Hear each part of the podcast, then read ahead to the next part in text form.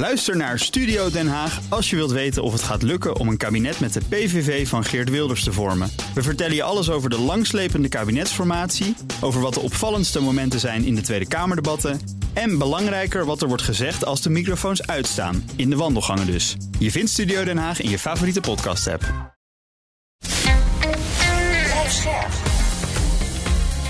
BNR Nieuwsradio.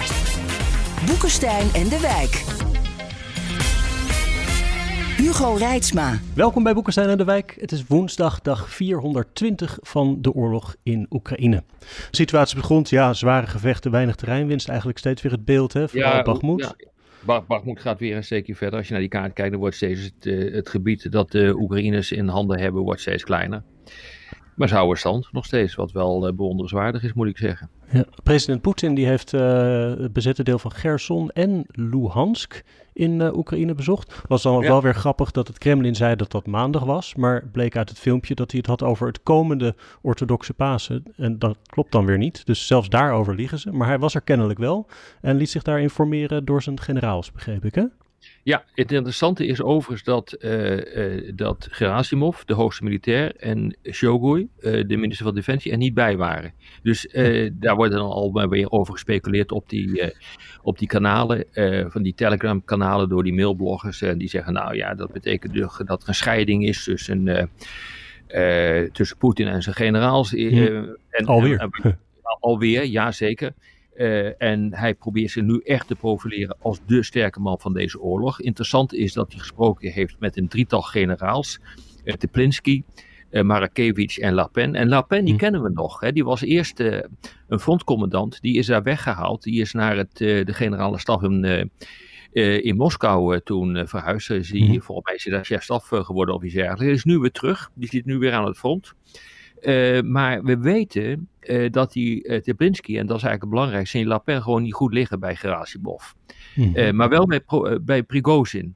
Uh, En met name die Teplinski, daar hebben we een paar afleveringen uh, geleden over gesproken. Uh, daarvan zei Prigozhin, nou, daar kan ik heel goed mee samenwerken. En die ondersteunt hem ook. Hè. Die, die Teplinski die is, laten we zeggen, de baas van nou, de luchtmobiele eenheden die daar worden ingezet. En op dit mm -hmm. ogenblik Wagner bij Baknoek ook helpen. En we weten ook uit, uit uitgelekte documenten dat Poetin dan dus Shogu en Prigozhin samen uitnodigt om te kijken of ze toch nog een beetje van elkaar kunnen houden. Hè? Dus Poetin die probeert dus nu, het feit dat hij deze man dus ook weer ontmoet, kan worden gezien dat het Prigozhin's spelletje nog niet is uitgespeeld. Zeker, zeker. Ze hebben hem ook uh, keihard nodig uh, bij Bakmoed, want uh, hoe je het ook wendt of keert, het, het, gaat niet goed met de Russische krijgsmacht. Blijft rommelen daar, ja. Overigens was ja. Zelensky, die was ook, nee, die was echt aan het front, hè, in de Afdivka, ja. in, de, in de Donbass, waar ze dus nog steeds stand houden, maar blijft weer steeds die zorgen terugkomen over de Oekraïnse luchtverdediging, hè, waarnaar ik begrijp ook morgen bij die Oekraïne contactgroep in Ramstein weer over gesproken gaat worden. En wat Zelensky ja, dus heel erg hoopt, hè, wat Zelensky heel erg hoopt, die is eigenlijk wel blij met die uitgelekte documenten. Waarin dus staat dat Oekraïne dus uh, begin mei dus al die ra raketten kwijt is van de luchtafweer. Hè. Dus hij hoopt dus dat de druk hoger is. Lloyd Austin is vandaag in Zweden, maar gaat dan morgen naar Ramsberg, naar die contactgroep. En er zijn dus allemaal argumenten om nog meer te leveren. Het probleem is alleen de vraag, hebben we het wel? Hè? Mm. Dat is de ellende. Ja. En dat komen we ja. bij de oude problemen terug. Nou ja, goed. Dat, is uh, blij met die lekkage, want dat versterkt zijn roep om wapens. Hm. Ja, dat is inderdaad wel uh, opmerkelijk. Iedereen dacht dat uh, Zelensky helemaal van de weg zou raken hierdoor, maar dat is dus gewoon niet gebeurd. Overigens, hm. waar hij waarschijnlijk ook wel blij mee zou zijn, is een, een filmpje van ehm, een aantal militairen die gediend hebben bij Wagner. Nu niet meer, maar die zijn weg.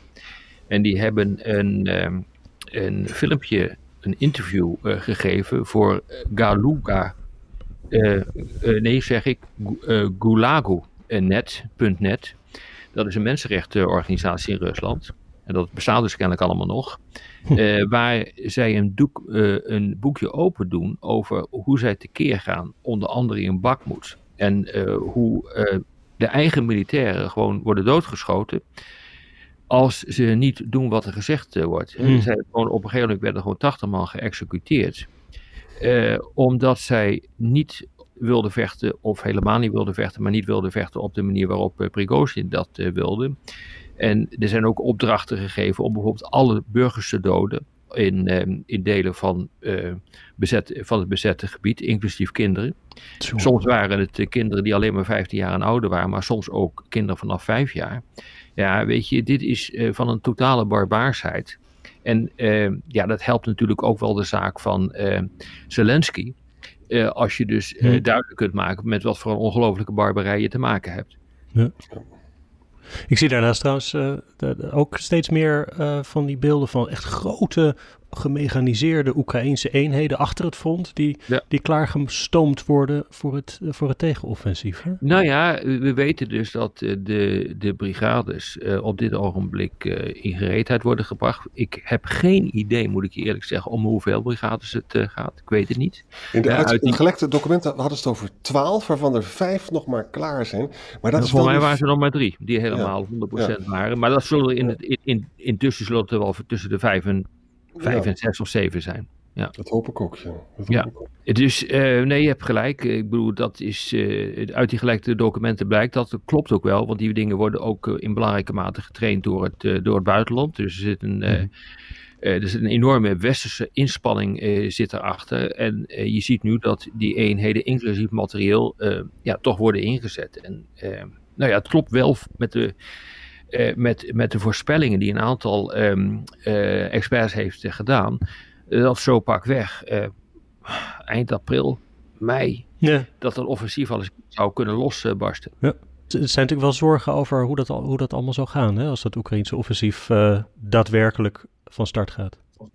Ja, dat mag je wel zeggen. Kijk, de Britten maken zich hier ook ernstige zorgen over. Britse functionarissen in Japan tijdens de G7-top uh, die hebben gezegd van uh, ja, wij bereiden op ons, uh, ons op het allerergste voor.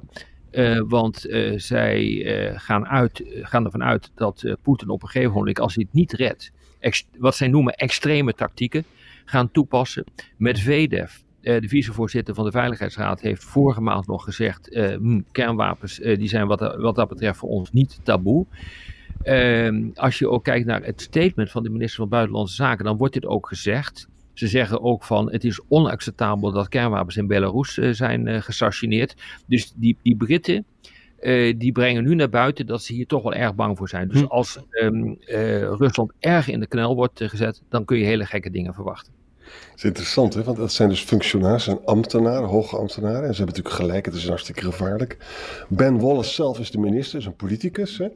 En die zegt vandaag iets anders. Hè? Van, ook een beetje vaag, van tussen nu en volgend jaar zal Oekraïne momentum krijgen, staat er dan in de New York Times. Hè? Er zal niet een, single magic wand moment zijn, maar wel... Uh, uh, op een gegeven moment zal Oekraïne toch aan de winnende hand zijn. Want Rusland heeft nu al 223.000 doden en gewonden. Ja, nou ja, ja het, zou, het zou kunnen. Ik, ik durf daar echt gewoon geen voorspelling uh, uh, aan te wagen. wie wat dat betreft gaat winnen. Om het maar op zijn Nederlands te zeggen.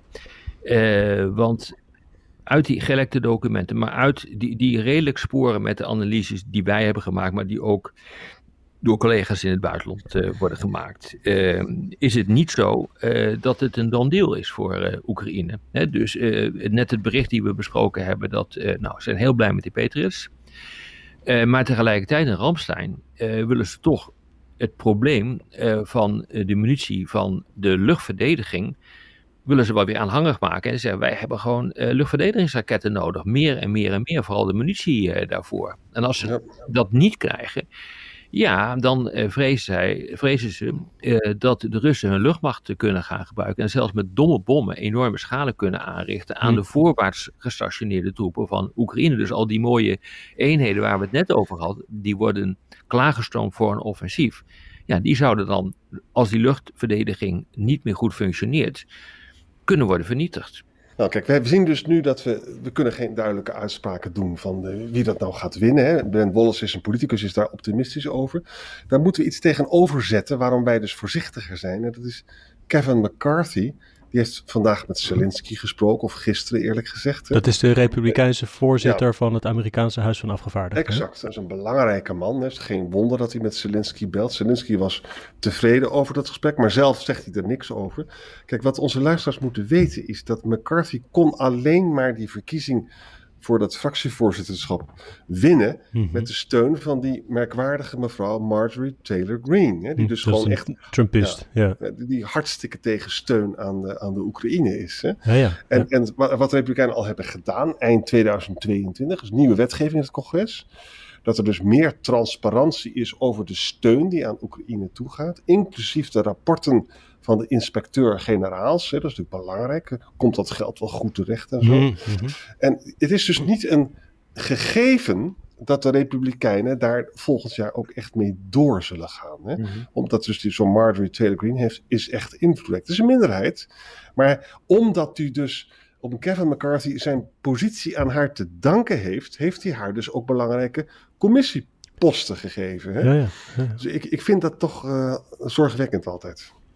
Ja, zeker. Hm. Nou ja, eh, eh, we hebben denk ik niet, we constateren denk ik niet voor de eerste keer dat de, een, de westerse partijen echt willen dat het snel afgelopen is. Hm. Ja. Want we zitten natuurlijk gewoon met de levering van wapensystemen en munitie.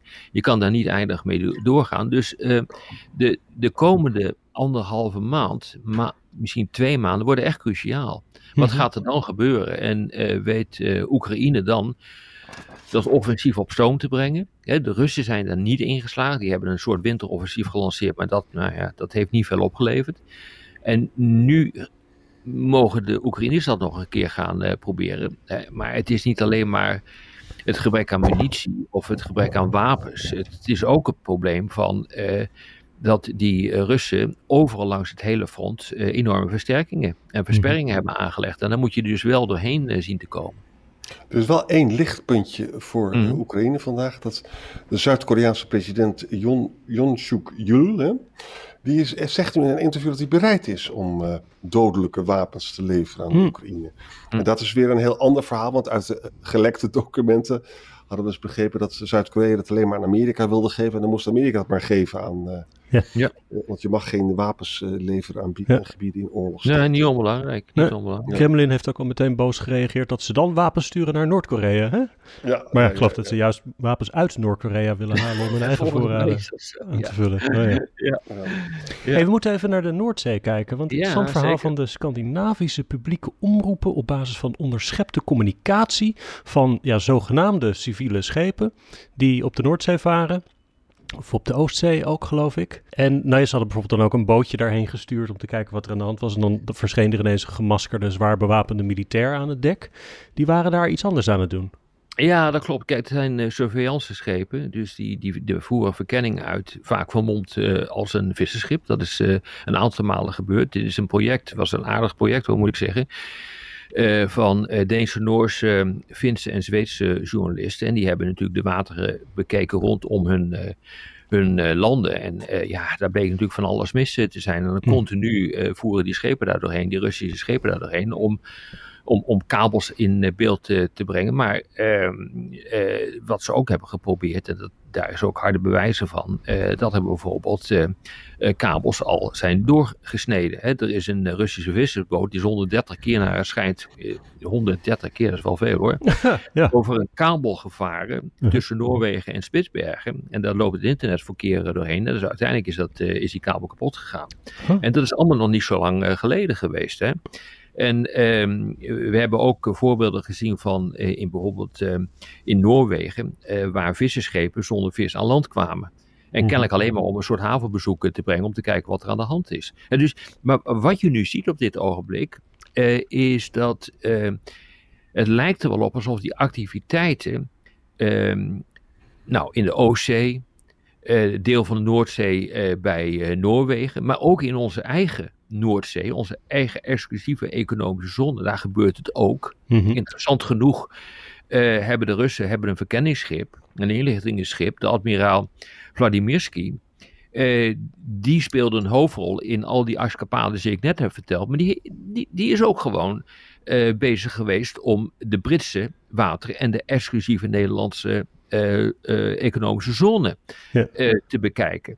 En ehm, het interessante ook is dat het, ehm, de MIVD zijn jaarverslag heeft Ehm, eh, heeft openbaar gemaakt. En daar staat dit ook in. Ook hm. eh, met, met, met name toename staat dit precies erin wat daar gebeurd is. Dus je ziet op dit ogenblik dat die gevoelige, kritieke infrastructuur van die onderwaterkabels, uh, de de infrastructuur die te maken heeft met, met uh, windmolens, met zonnepanelen, in de toekomst met waterstoffabriekjes, dat die zorgvuldig in kaart wordt gebracht. En ja, als je dus het, het Westen wil pakken, dan moet je dat dus aanvallen. Hebben jullie eerder met HCSS ook een rapport over geschreven? Hè? Hoe kwetsbaar dat is natuurlijk zeker met al die enorme plannen om ja. uh, alle windmolens een beetje in de Noordzee te zetten. Daar worden we ja, heel afhankelijk van.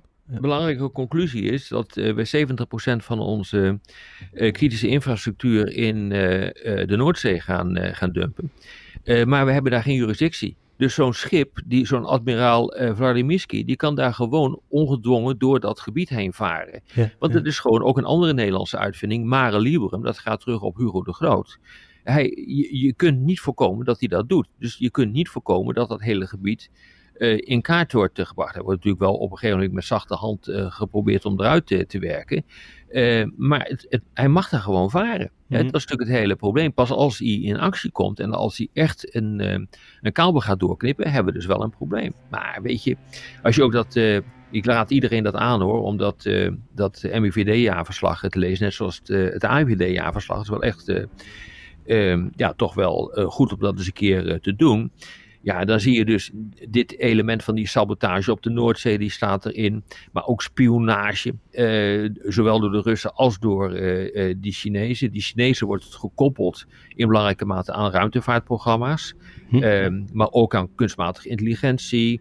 Um, en dat ook ten behoeve van een eigen ruimtevaartprogramma en, en hoogtechnologische wapenontwikkelingen met name ook in de ruimte. Ja, weet je, hier is wel wat aan de hand. We zien dus dat het in moordend tempo op dit ogenblik uh, uh, doorgaat. En zowel die Russen als die Chinezen zijn stevig bezig. Als je dus die uh, jaarverslagen moet geloven. En ja, in, in en om Nederland. Ja. Tot slot, Aanzan, moesten we nog even, zei jij, kijken naar de graandeal. Wat was daar nu weer mee aan de hand? Ja, weet je, we hadden net voor, uh, vorige keer behandeld dat natuurlijk uh, Polen en Hongarije hè, en Slowakije, die, die, houden dus de graan nu uit Oekraïne tegen, omdat de boeren dat niet meer kunnen verwerken, om het zo maar Bulgarije te zeggen. nu ook, hè? En Bulgarije dus nu ook. Dus huh? je omdat de, dus, de prijs te laag wordt door ja. die influx van zoveel graan. Ja. Je zie je dus de Russische invloed hè, op, op Oost-Europa ook. Nou, vandaag is Rusland dan wel weer mee bereid om even met die graaninspecties in Istanbul mee te gaan. Je moet als volgt zien, elke uh, schip dat door Istanbul langs gaat, wordt door een commissie bekeken wat voor schip dat is. Er zitten de Russen ook bij. En als het teruggaat, dan wordt er gekeken of er wapens in zitten, weet je wel. Nou, af en toe doen de Russen niet mee, doen ze moeilijk, en waardoor ze die graanexport dus kunnen controleren. Hè. Ze zeggen nu ook van nou 18 mei zal de, deze deal uh, aflopen. Dus ze houden gewoon de druk op de ketel. En we zien dus nu al in Oost-Europa dat er grote uh, bezwaren zijn tegen dat Oekraïense graan. Dit is een prachtig Russisch instrument om ons weer te verdelen. Ja, ja, ja. Zeker. Ja, absoluut. En wat ook merkwaardig is, dat het Afrika uh, zwijgend en soms zelfs openlijk Poetin steunt. Terwijl het, moet, het moment moet toch aanbreken dat in Nigeria en in Egypte en elders dat er toch honger ontstaat. Want er komt gewoon minder graan binnen, zou je denken. Nou, dat valt wel mee. Veel is ook gewoon veevoeder. Met name de Turkse boeren worden, uh, de Tunesische boeren worden heel hard uh, getroffen. Daar zie je echt dat het uh, enorm hard aangrijpt. Maar als je kijkt wat er vervoerd wordt, dan is dat wel redelijk indrukwekkend. Maar daar zit ook... Uh, zonnebloemolie in, uh, zonnebloemmeel zit daarbij. Uh, graan is natuurlijk wel behoorlijk wat, maar daar zit ook een hele hoop veevoeder bij. dus het is niet zo uh, dat, er een, uh, dat er een situatie ontstaat waardoor er alleen maar door dat graan uh, honger gaat ontstaan in Afrika. Nee, wat ook een groot probleem is, is dat de Russische exporten, die zijn ook teruggelopen. Ja, ja. En, dat heeft, en dat heeft gewoon te maken met de sancties.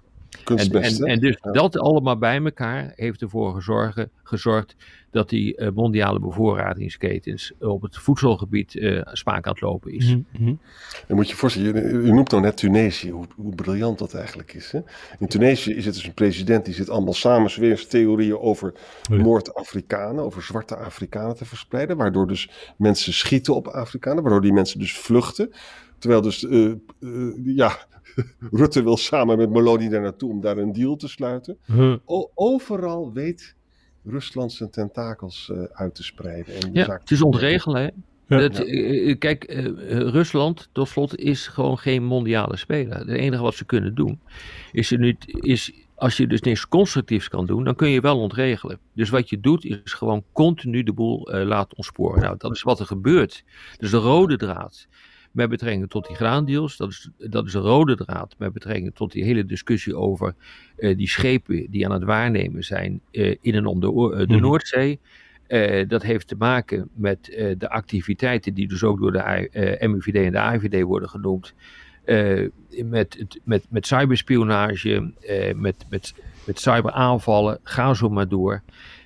ja, weet je, um, dit is gewoon, ja, dit is typisch ontregelen.